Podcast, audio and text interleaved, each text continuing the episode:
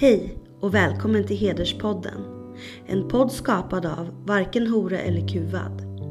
Vi är en förening som vill vara en röst för dem som annars inte får sin röst hörd. I den här podden kan ni bland annat få kunskap om hur hedersnormer kan se ut. Vill ni veta mer om hederskultur så tipsar vi om att beställa vår metodbok Respektguiden. Den handlar om hedersnormer och vilka rättigheter de som är hedersutsatta har. Ni kan också läsa Varken Hora eller Kuvads rapporter 11 och 1200 som kartlägger hedersförtryck i socioekonomiskt utsatta områden i Stockholm och Göteborg. Vi har också en tidning, Förortsfeministen, där vi skriver om hedersnormer och mycket annat. För att ta del av det jag precis nämnt så kan ni besöka våra sociala medier eller vår hemsida www.vhek.se. E. Där kan ni även hitta tidigare avsnitt av Hederspodden. Tack för att ni lyssnar och för att ni stöttar vårt arbete. Hej och varmt välkomna till nytt avsnitt och nytt år av Hederspodden. Det är eh, januari 2024 i samband med hedersmordet på Fadime Shahindal eh, kommer vi sända eh, det här avsnittet som är eh, med journalisten, grävande journalisten på SVT TV-programmet Uppdragsgranskning, Katja Wagner. Vi är jätteglada att du gästar oss, Hederspodden, idag. Och Eh, du och SVT Uppdragsgranskning har gjort en rad eh, program om bortförda barn eh, och till länder för uppfost, heter så kallade uppfostringsresor eller så föräldrarnas syfte är att gifta bort de här flickorna. Eh, det finns också ett program eh, du har gjort med Mosa. Eh, det handlar så kallade om eh, omvandlingsförsök där homosexuella i hederskulturen inte är acceptabel och man omvandla dem. Och jag hoppas att vi har tid, eh, tillräckligt med tid att gå igenom eh, de här flickorna som var Amina, Hiba och Nadia som förts bort från Sverige, föräldrarna som eh, åker eller, eller flyr eller eh, migrerar till Sverige på grund av att i deras hemländer det är krig och elände. Men ändå de tar med sig sina barn hem för att de vill inte acceptera att eh, det svenska friheten för flickor och barn och, och, därför detta sker. Fruktansvärt, men du har också eh, Eh, erfarenhet av att till exempel skriva om Barin som blev mördad av sin bror. Eh, du har tidigare jobbat som journalist och skrivit om de här eh, problemen, hederskultur och hedersvåld. Det vore väldigt intressant att få höra dig dina erfarenheter, vad som har skett mm, sedan dess och vad, vad tycker du det brister hos myndigheterna, de här flickornas perspektiv, varför, varför samhället svikit dem. I många av de fallen här, faktiskt, eh, i Hibas fall och Aminas fall, samhället visste, skolan visste om det, socialtjänsten eh, signalerats oro, man oroanmälde dem, men ändå skedde ingenting och föräldrarna förde bort dem till sina gamla hemland, eller hemländer. Hej, tack för att jag får vara med i Hederspodden. Ja, eh, om vi börjar med Amina då, som du nämner. Vi, det som vi gjorde i den här serien Bortförd i Uppdrag granskning och sen uppfostringsresan, alltså tjejer och killar som blir bortförda av sina egna familjer. Amina var en, är en tjej som jag fick kontakt med för drygt ett år sedan när hon var bortförd. Och hon kunde då kommunicera med mig på en hemlig chatt där vi var tvungna att bestämma särskilda tider för det var också förenat med fara för henne att att kommunicera eh, med någon i Sverige. Hon befinner sig i ett av världens farligaste länder och hålls isolerad bakom en mur där hon faktiskt fortfarande idag sitter.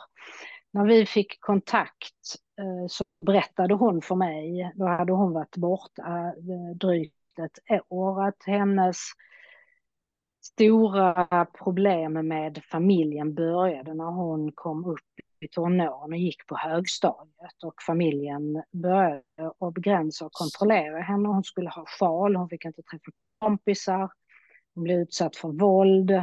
Det var väldigt mycket regler och isolering hemma och till slut så vände hon sig till socialtjänsten och bad om hjälp och berättade att hon var utsatt för hedersrelaterat förtryck och våld. Hon placerades då eh, till en början i ett familjehem men eh, föräldrarna fortsatte att kontrollera henne i familjehemmet och till slut så flyttade hon hem igen. Sen fortsatte familjen ändå ha kontakt med socialtjänsten och eh, få hjälp då för att det var mycket konflikter hemma. Hon rymde hemifrån och, och ville inte underordna sig de reglerna. Hon gick i, i nian och ville vara med sina kompisar. Jag ville vara som vilken ungdom som helst, eh, skrev hon till mig i chatten.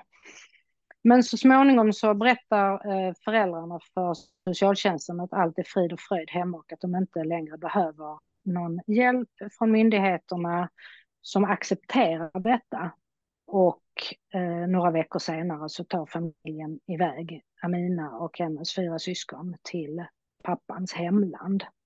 Och där befinner hon sig nu och sedan dess. Och hon var väldigt chockad. Hon trodde att de skulle på semester. Det var vad hon hade fått till sig. Hon hade packat en väska med, med grejer eh, till en vecka. Hemma hade hon lämnat kvar sina kompisar, sin pojkvän, alla grejer som hon tyckte om, alla sina kläder och allting. Hon tog kontakt med socialtjänsten hemma i Sverige när hon hade blivit bortförd med hjälp av en kompis som kontaktade socialkontoret och gav dem kontaktuppgifter direkt till Amina. Men istället för att ta kontakt med Amina så valde socialsekreteraren att kontakta föräldrarna. Berättade för föräldrarna att Amina hade larmat. Och, och det försatte ju henne i livsfara. Hon blev grovt misshandlad av sin eh, pappa och eh, några veckor senare så blev hon och syskonen avregistrerade i den svenska folkbokföringen. Hon tog också kontakt med polisen i Sverige och fick beskedet att socialtjänsten, polisen och eh, utrikesdepartementet kommit fram till att de inte kan göra någonting för henne. Det finns ingen hjälp för henne att få. Och jag tänker mycket på det, att, att eh, de, Jämställdhetsmyndigheten har till exempel gjort flera kartläggningar där man konstaterar att majoriteten, 64 procent av de som blir bortförda, har varit i kontakt med myndigheterna tidigare. Myndigheterna har känt till deras utsatthet. Och ändå så, så eh, förs många barn bort. Vi eh, gjorde en räkning utifrån utrikesdepartementets siffror, alltså faktiska fall som de har på sitt bord. Mellan 2018 och 2022 så var det 538 minderåriga. Det är alltså 18 skolklasser, barn och ungdomar som har förts bort under de här åren. Och det är mycket svårt att, att få hem dem. Ja, det är fruktansvärd beskrivning verkligen för eh, Amina eh, att eh, socialtjänsten var kopplad och, och hon avregistreras i Sverige men ändå varken polis eller SOS eller skolan gör någonting. Men kunde ni fråga skolan eller socialtjänsten, vad sa man då? Alltså, vi kunde inte ta kontakt med socialtjänsten i det här fallet på grund av Aminas säkerhet eftersom socialtjänsten redan tidigare tagit kontakt med föräldrarna. Då skulle vi utsätta henne för väldigt stora risker om vi ställde frågor kring henne eller eh, konfronterade dem med de uppgifter som vi har fått dels av Amina men dels har vi också fått eh, kunna ta del av socialtjänstens akter och dokumentation. Så i det fallet så var vi tvungna till att inte konfrontera ansvarig myndighet just för att det skulle ha försatt Amina i en, en väldigt farlig situation. Den andra tjejen som är med i programmet, Hibba, henne har vi inte haft kontakt med själv, utan Eh, är det lärare och en, en fotbollstränare som kontaktade eh, oss. För att de då hade larmat och så Hibba var utsatt för, för hedersrelaterat våld och förtryck hemma och kom till sin lärare när hon hade blivit slagen hemma. Och gav också uttryck för att hon var rädd för att bli bortförd. Och det ska jag säga att Amina också gjorde. Hon gav också just uttryck för att hon var rädd för att bli bortförd. I, I Hibbas fall så tog skolan med henne till socialtjänsten och socialtjänsten familjeplacerade också Hibba. Men även i hennes fall så återvände hon så småningom hem till familjen och familjen skulle på semesterresa. Precis samma som eh, i Aminas fall, de reser iväg och eh, man åker först på semester en vecka till ett annat europeiskt land och Hibba eh, tar foton och skickar till sina kompisar från poolen och hotellet och, och semestern och sen blir det tyst. Och då har Hibba och syskonen tagits till föräldrarnas hemland och lämnats där. Och också Hibba och hennes syskon avregistreras ur den svenska folkbokföringen. Ja, jag tänker på att det här med skolan, förlåt, att de eh, larmar eh, socialtjänsten och socialtjänsten kopplas in men sen de eh, litar på föräldrarna utan att skriva någon kontrakt eller följ, följa upp eller, eh, Eh, eller anmäla till polisen när de avregistreras eller tas från skolan. Men ingen, ingen liksom eh, gör något, agerar. Va, va är, vad säger de? Vad säger myndigheterna om det? Alltså läraren då eh, som tog med sig Hibba till, till socialtjänsten, skolan och läraren och senare också eh, hennes fotbollsklubb skrev flera orosanmälningar eh, om att hon var utsatt för våld och kontroll och begränsningar, att hon var rädd för att bli bortförd och att hon behövde skydd. Och även i Hibbas fall så, så har vi inte kunnat konfrontera myndigheterna direkt och skälet till det är att, att Hibbas föräldrar är tillbaka i Sverige. Inte Hibbas syskonen men, men hennes föräldrar är tillbaka i Sverige. Och det är förenat med väldigt stor fara att föräldrarna får vetskap om att vi då har kännedom om eller kommer att berätta om, om deras situation. Men både läraren och fotbollstränaren har i sin tur försökt att få svar från eh, socialtjänsten och eh, inte fått någon, någon återkoppling. Och det här är ju, det här är ju svårt tycker jag, för det är klart att vi behöver få förklaring och få svar från de liksom, explicita myndigheterna som har varit inblandade i just de här fallen. Men man kan också se en större bild av detta och det är ju att många kommuner, majoriteten av kommunerna i Sverige har fortfarande idag inga rutiner eller riktlinjer för hur man ska agera när det gäller bortföranden. Och det spelar ju sannolikt in. Alltså eh, bristerna är ganska stora. Man gör inte tillräckliga risk och, och säkerhetsbedömningar. Uh, man uh, uh, har inte, man har inte insatser, man sätter inte in insatser som är tillräckligt effektiva. Eh, man vet till exempel inte heller i Sverige idag hur många som förs bort. För att man, det, det görs ingen eh, kart, kontinuerlig kartläggning av. Det finns inget inrapporteringssystem. Och, och Jämställdhetsmyndigheten slår fast i sin eh, rapport som de har jobbat kartläggning och rapport som de har kommit med nu att, att fler bortföranden hade kunnat förhindras om man ingrep effektivt, snabbare och skyddade de här barnen och ungdomarna som riskerar att bli bortförda. Eh, exakt. Och eh, det finns också sedan ett par år tillbaka den här enheten på UD där till exempel eh, UD kan eh, samarbeta med andra myndigheter och, och polisen för att kunna till exempel dra in passet men också att kunna få hjälp. Men ändå att myndigheterna sinsemellan, de själva har inte heller den samverkan. Eh, och så samverkar eh, en del myndigheter som SOS i detta fall. Du pratar också om att eh, de, de samarbetar med, med föräldrarna som faktiskt både för bort barnen men också, också misshandlat och hotat.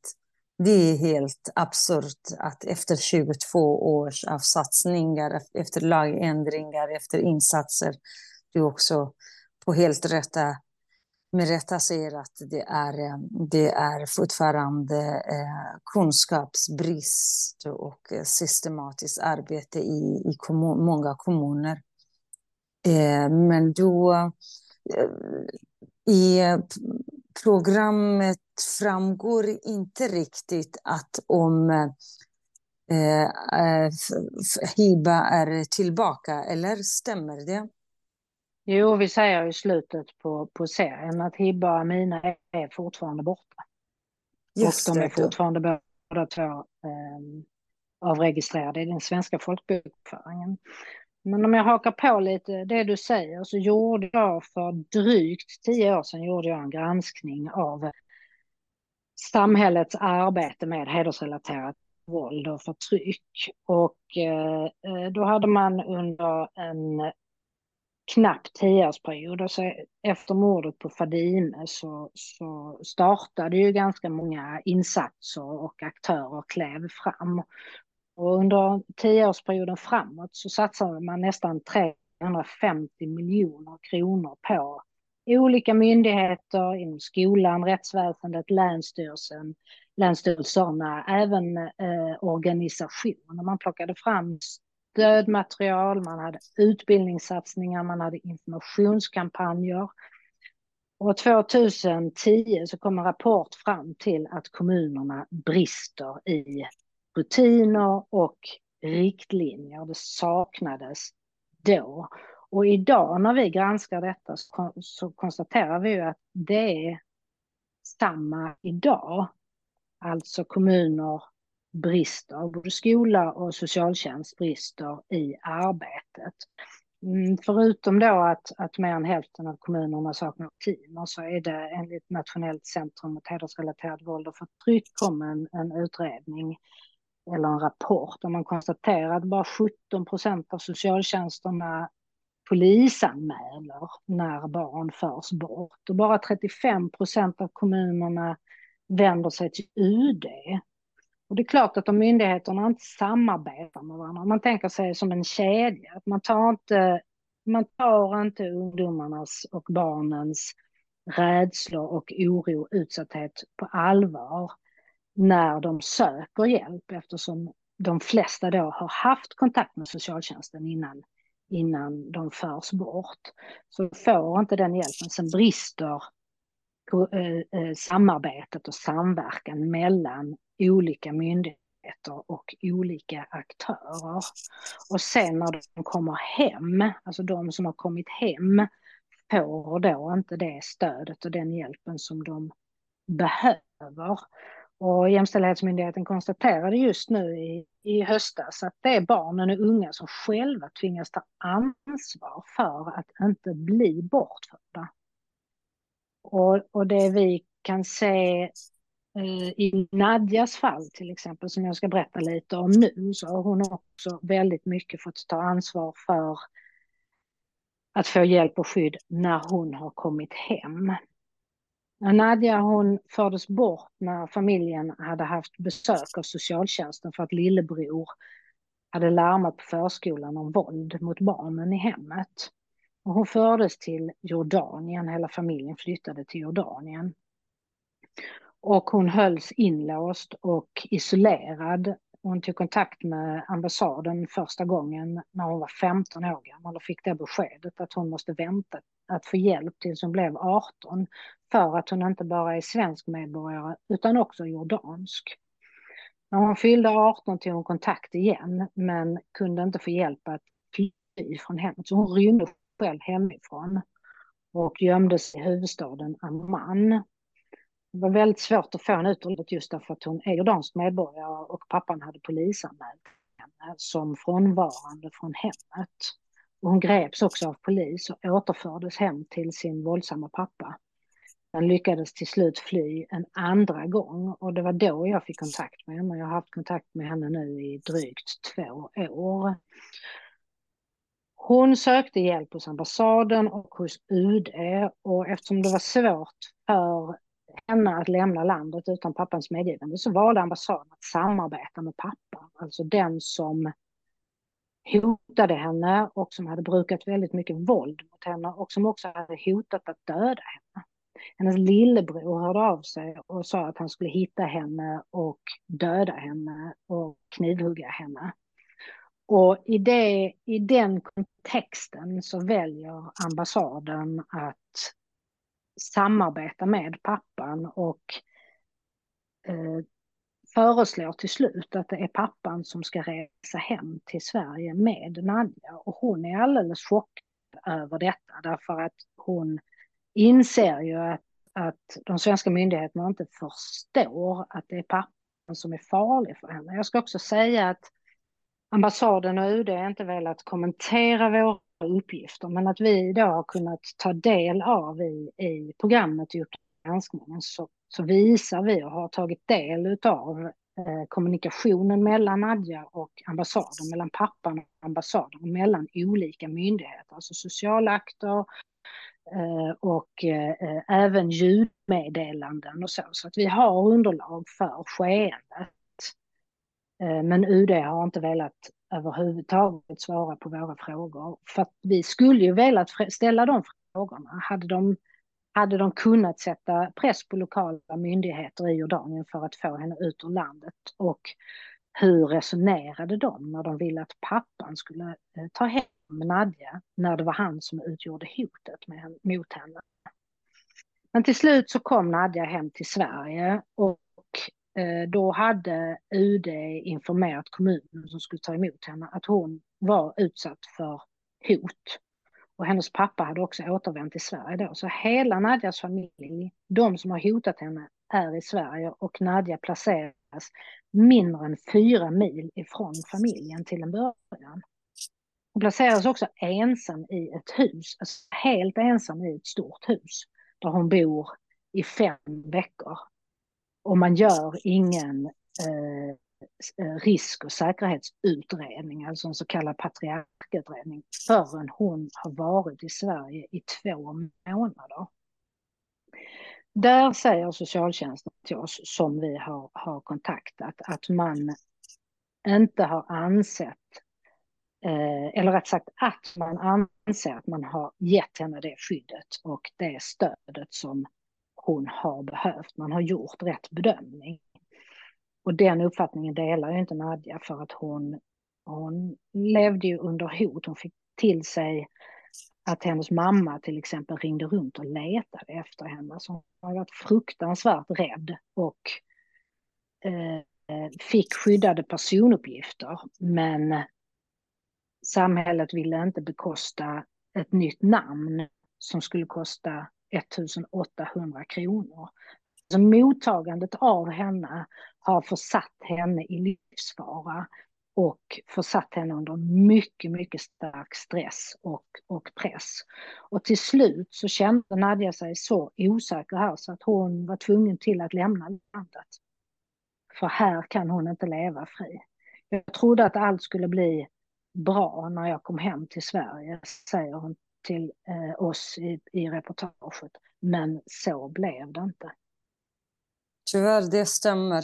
Jag känner väldigt många flickor som, som har flyttat i, till andra länder efter en liknande situation för att här i Sverige kan de inte leva i fred. Det är fruktansvärt eh, att de här myndighetspersonerna som inte svarar er. Tänk att om det var deras egna barn, om det var de själva när de var i tonåren, blev bortförda, hotat och så förenas de med samma hotfulla familjer. Alltså man undrar verkligen eh, om det finns samma rättigheter för alla de här flickorna som svenska barn, för att de var ju faktiskt barn.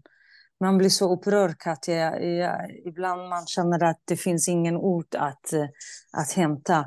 Så fruktansvärt att efter 22 års av kamp och satsningarna, du berättade om att Eh, man har satsat hundra miljontals, men nu är det fördubblats de här pengarna. Nu har polisen egna resurser. Nu har skolans eh, skolplaner ändrats eh, och så vidare. Och, och det finns hundramiljontals miljontals från stat, kommun, region satsningar på de här områdena. Men ändå vi, vi är där, där det inte finns kunskaper eller tillräckliga resurser eller kanske snarare tillräckligt med mod att, eh, och civilkraft att våga faktiskt stå upp för de här barnen, precis som man gör när det händer ett svenskt, alltså etnisk svensk familj vars barn blir utsatt.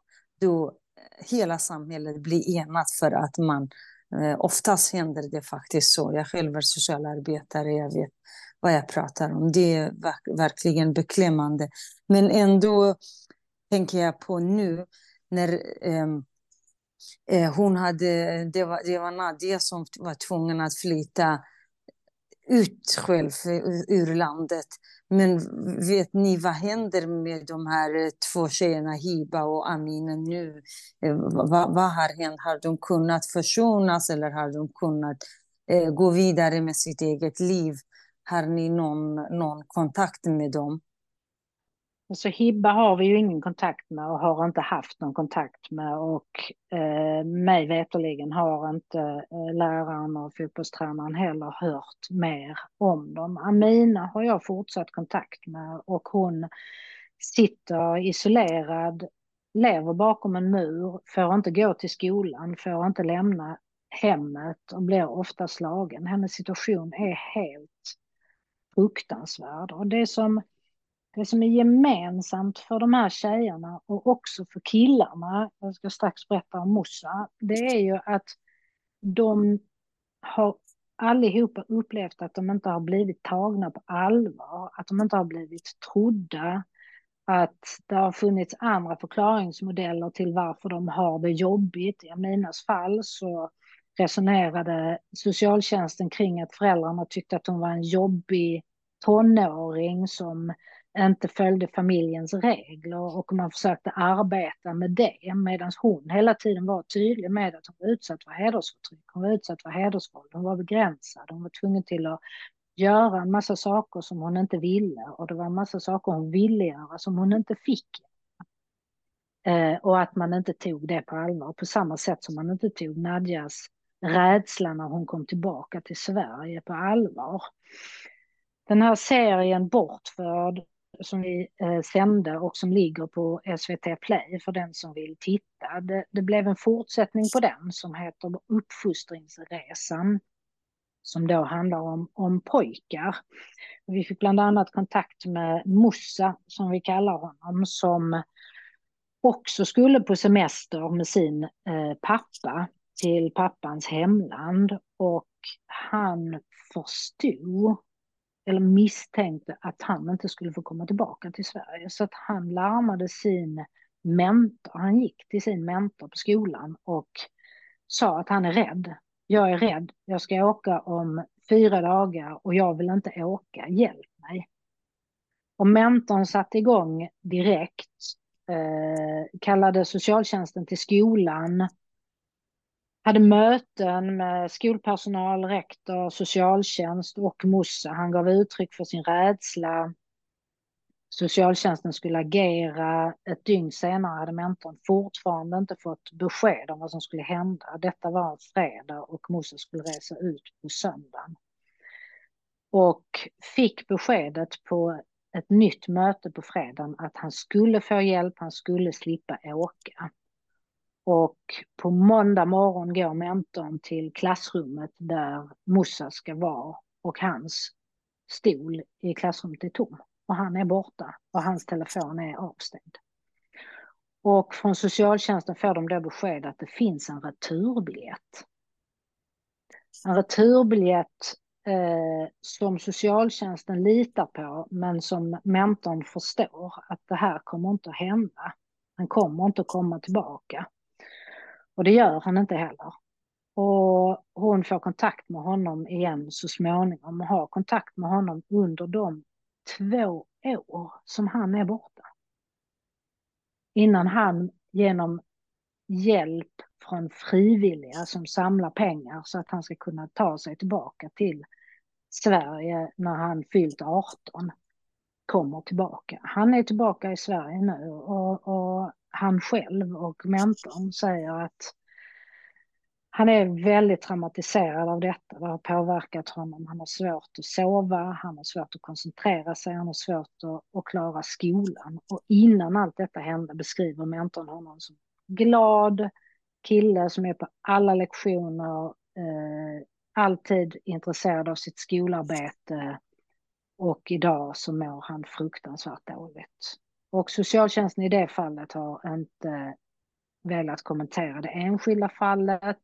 Man har eh, blivit eh, IVO-anmäld och vi har tagit del av svaret till IVO där man menar att som eh, 16-åring som han var då så borde han ha blivit tillfrågad och man borde ha, ha lyssnat på vad han ville men att man inte gjorde det är ändå inte tillräckligt skäl för ett LVU.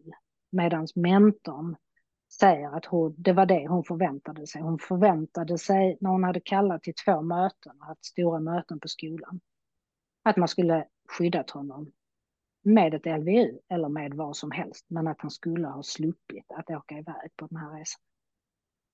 Ja visst, man behöver inte bara ha LVU, det är en lång process. Man kunde, socialtjänsten kan ändå placera barn när det finns oro för eh, men i Musas fall var han tidigare aktuell också, eller var det bara den här resan han, eh, han eh, oroanmälts eh, på, på grund av, av sin mentor? Eh, eller var det tidigare också aktualitet med honom?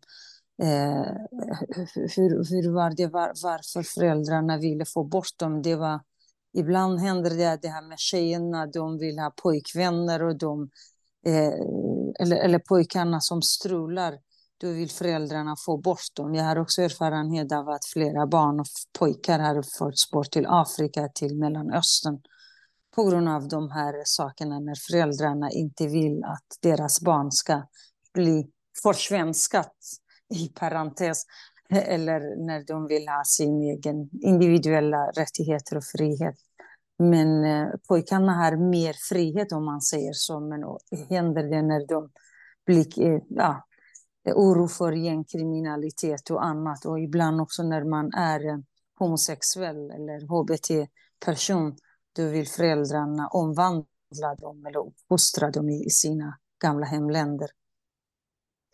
Så var ju fallet eh, för Yasin som också är med i reportaget Uppfostringsresan.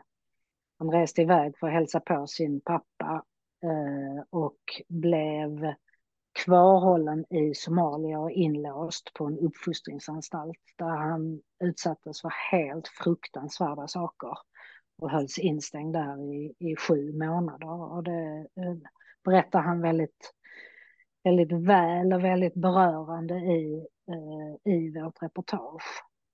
Det som vi funderade mycket på när vi gjorde reportaget om pojkarna, det var ju Eh, utreseförbudet. Eh, lagen om utreseförbud kom ju 2020 just för att förhindra att barn förs bort. Och eh, utreseförbudet i sig fick ju kritik ganska snabbt för att vara för snäv. Alltså när vi tittade på eh, domar från 2020 till slutet på 2022. Då hade fyra fall av tio fått avslag.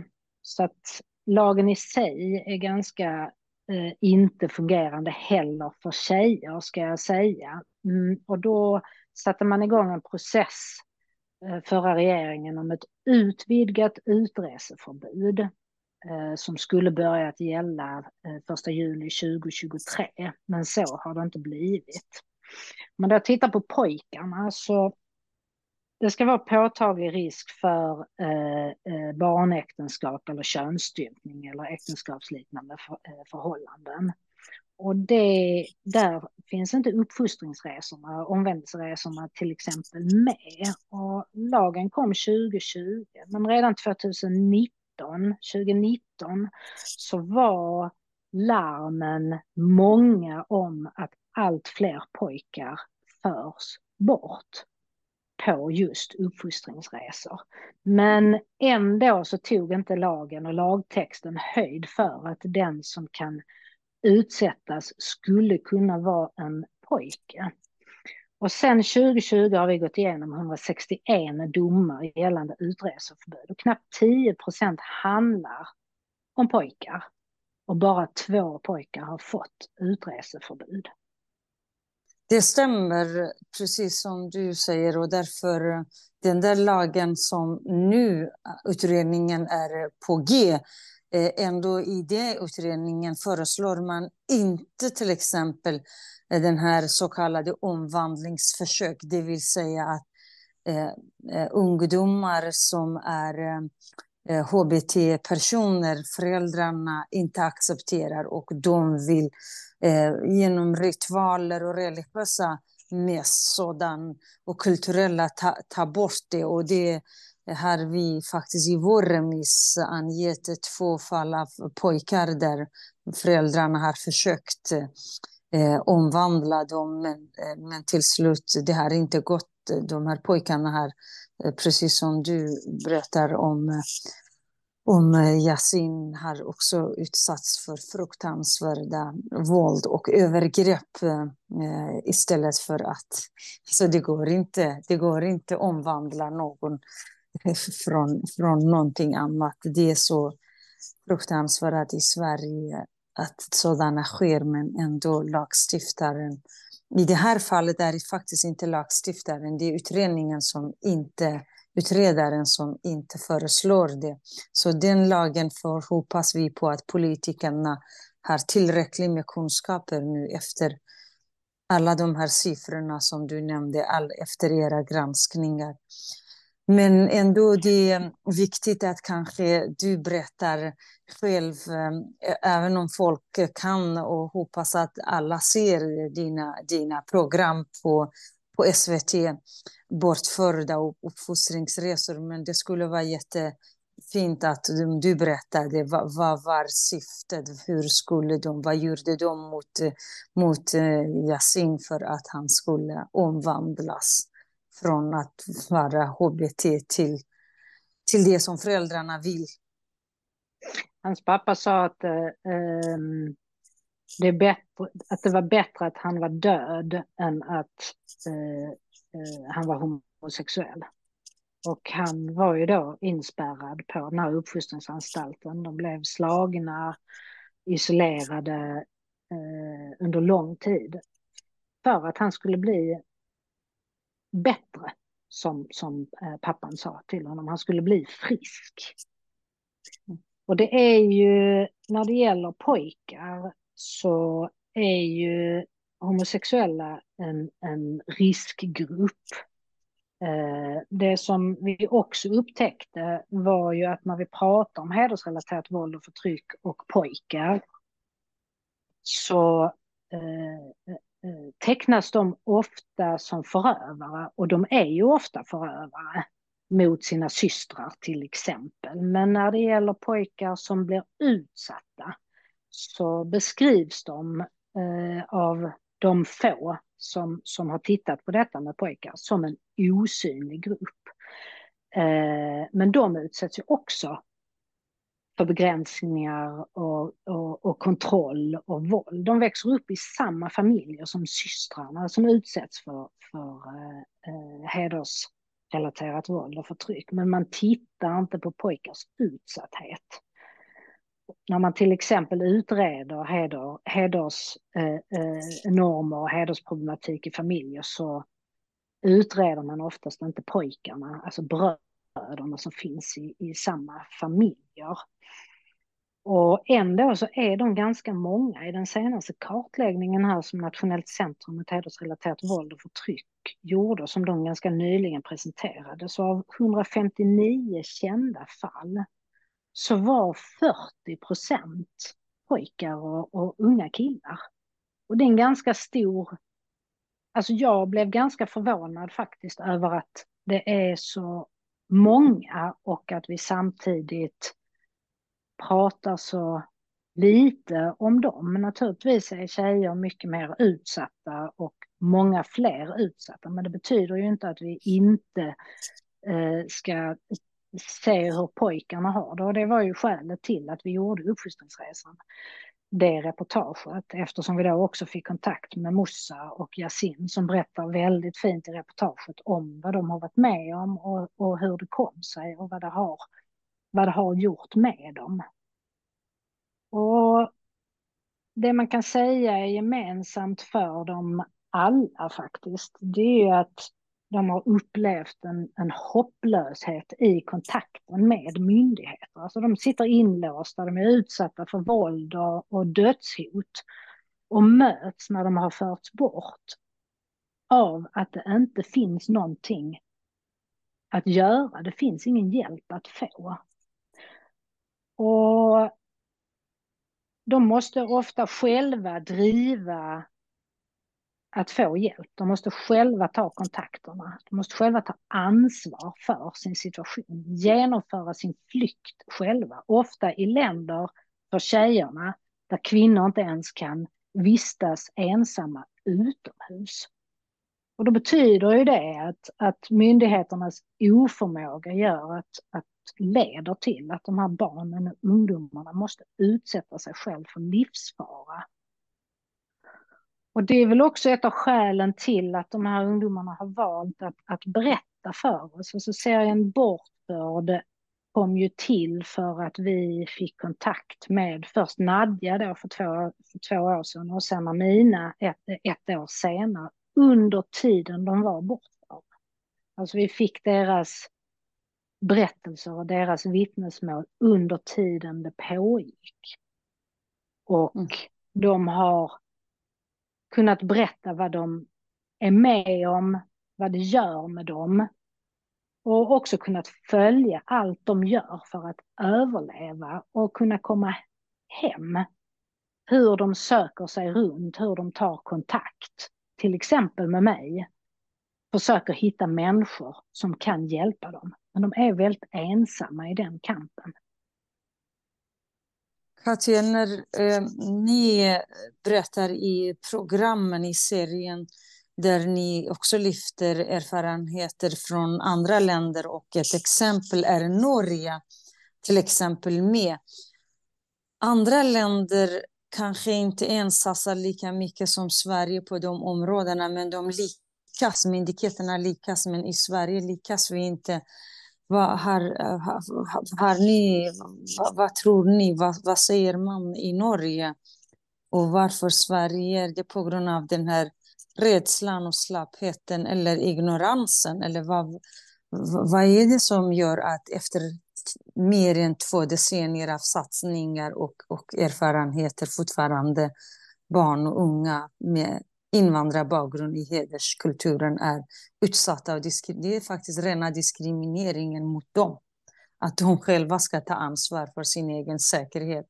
Fast samhället, lagen, barnkonventionen vi har. Vi har egna svenska lagar som skyddar faktiskt barn. Och barn ska alltid vara i centrum i alla beslut, i alla sammanhang där barn är med i bilden. Men ändå ändå sker inte så när det gäller den här gruppen hedersutsatta.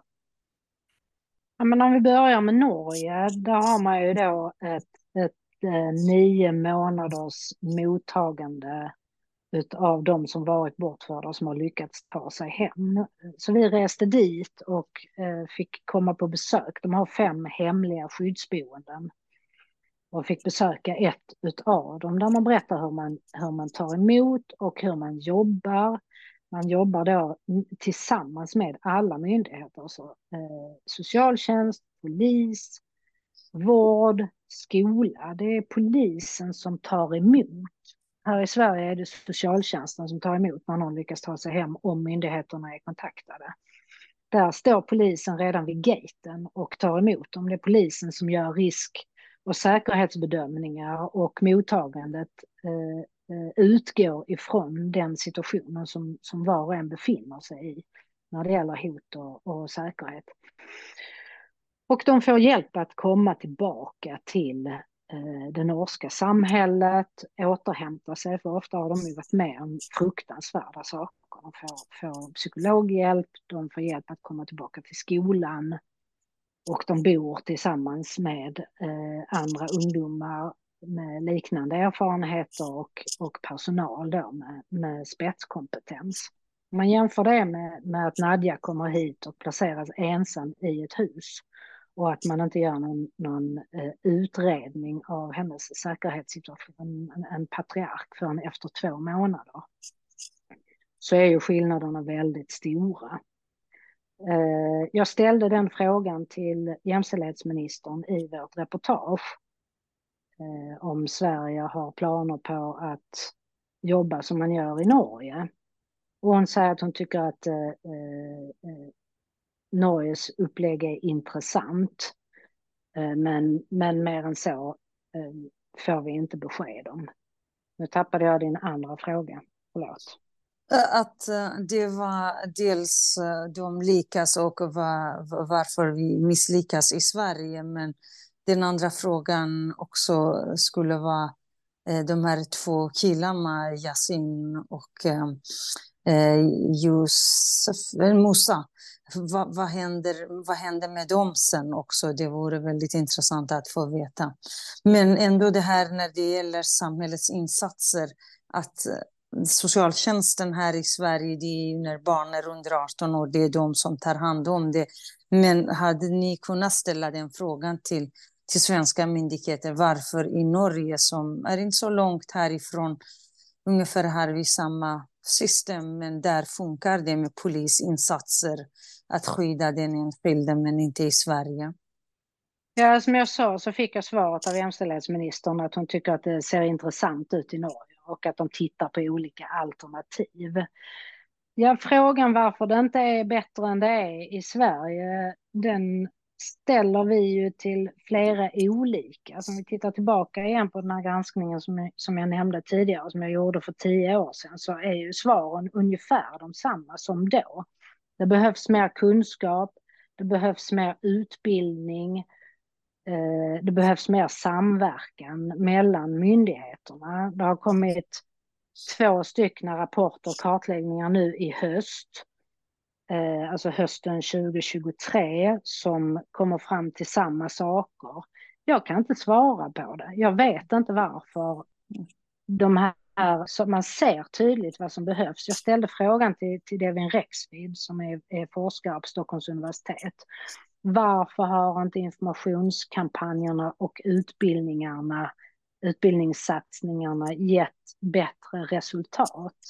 Han säger ju då att man måste börja tidigare, man måste börja när, eh, med, att jobba med barnen och familjerna redan när de går på förskolan. Eh, ja, det är väl de det svaren, det är väl de, det är väl de svaren eh, som, som vi får alla som ställer de här frågorna. Varför blir det inte bättre? Någon säger att det fortfarande är ett eh, känsligt ämne. En polis som vi har med i reportaget säger att man, det finns fortfarande en rädsla att bli stämplad som rasist. Um, ja, vi är svaret skyldiga. Precis. Eh, jag har bott i Sverige i drygt 30 år och 25 av de åren har jag verkligen dag och natt jobbat med de här frågorna och som socialarbetare också i 24 år. Jag har, jag, jag har sagt det här och säger i varken hora eller kuvad, vi är 18 år, lyft de här frågorna. när man börjar med förskola och skola. Men det här handlar om ignorans mer faktiskt. Vi har resurser, vi har pengar. Vi är ett land där man kan utbilda sig. Här vill man ha information. Det går liksom lätt att ta reda på oss. Få utbildningar från oss eh, ideella krafter om till exempel inte skulle funnits på annat håll. Men dessvärre, dessvärre handlar mer om ignorans och de här barnen och unga, det är min slutsats, att de är inte helt svenska barn enligt det systemet och drabbar man inte en, ens egna, då är det lättare eh, att, att hitta på andra saker, hitta på att det är deras kultur och det är deras religion och vi, jag vill inte bli kallad för rasist. Men också socialtjänsten nu när de är också under attacker och hot och hat eh, för information. Jag har många kollegor som faktiskt är rädda på allvar. Det är också att eh, det inte är enskilda socialsekreterare som ska, som ska drabbas, utan det här är politisk eh, och, och myndighetsnivå egentligen. Um, uh, ah, fruktansvärt att det det ska behöva upprepas och att eh, trots att vi har lagstiftning men den täcker inte allt som du var inne på hoppas vi den här lagen som som faktiskt jag och Morgan Johansson kom överens om det här eh, med efter att jag pressade Susanna. Och då skulle man ha den här eh, uppfostring, utvidga lagen att uppfostringsresor också innefatta men, men nu när man inte till exempel vill kriminalisera så kallade omvandlingsförsöken, då kommer ändå finnas luckor i lagen. Eh, eh, och det är oroväckande faktiskt. Men Katja, det finns väldigt mycket att prata om. Jag tänkte på att också har ni har du kontakt med de här två killarna Eh, och hur går det för, för dem? Är, har de blivit skyddade? Eftersom samhället också sviker, som du sa, de här, de här sårbara. För att pojkar kan vara både offer och förövare samtidigt. Förövare för att de måste lyssna på föräldrarna och kontrollera sina systrar och slå dem och hota dem. Men också de som är själva homosexuella, de är riktigt, riktigt utsatta faktiskt. Och det här visade vi redan 2016 och 2017 när vi gjorde i Varken hora eller kuva två kartläggningar. 1100 barn och unga i Stockholms förorter och 1200 i Göteborgs eh, utsatta områden. Och vi tvingade de här storstadspolitikerna eh, att göra de här tre storstadsundersökningarna och sen dess sker det varje år. Nu är det på G i Göteborg, säger man, att i skolorna finns omfattande eh, problem och barn som är utsatta. Så det här bara fortsätter fast man har så mycket erfarenheter av decennier eh, och satsningar också. Visst är det märkligt? Ja, alltså om, om jag ska återvända till Musa och, och, och Yasin eh, så har båda två kommit tillbaka till Sverige med hjälp av privatpersoner och inte myndigheter. Och det visar ju hur otroligt svårt det är att få hem bortförda barn och ungdomar när de väl är ute ur landet. Och de experter som vi pratar med säger alla unisont att det viktiga är att resorna förhindras från början. Musa eh, är tillbaka och han mår väldigt dåligt. Han är Eh, som hans mentor säger, traumatiserad och har svårt med det mesta just nu, men får hjälp. Yasin eh, hade tur när han kom hem och fick en, en eh, socialsekreterare som omedelbart förstod vad det var han varit med om och hur hans situation var. Så han fick eh, skyddad identitet omedelbart och placerades i familjehem och eh, har flyttat ifrån sin hemkommun och han har, han, han har inte kvar sin vårdnadshavare eh, och har helt brutit kontakten eh, med den personen och har, säger han till mig att han har det okej okay nu och han säger han är själv ganska positiv. Han säger att han har fått hjälp med vad han har varit med om och med att komma tillbaka på ett, ett bra sätt. Han får stöd och eh, som han säger, jag tror att det kommer att bli bra, säger han. Eh, det är inte för sent för mig, säger han. Vad skönt att höra. Det går bra för någon av dem. Man önskade att alla kunde leva i frid och frihet eh, utan rädsla och utan oro. Men eh, ja, det verkar tyvärr den här eh, hedersförtrycket eh, och, och, och eh, mekanismerna också kring det försätta. Och det är faktiskt barn och unga av kött och blod som, som utsätts, som drabbas det, det var hjärtskärande att se de här programmen, men också höra du berättar. Vilken tur att, att ni finns som faktiskt, faktiskt visar och är deras röst. Eh, I förhoppningen om att eh, fler agerar, fler myndigheter och makthavare agerar. Katja, det finns väldigt mycket eh, att prata om, men tiden går ju också. Och, jag vet inte om du vill lägga till något mer innan vi avslutar idag.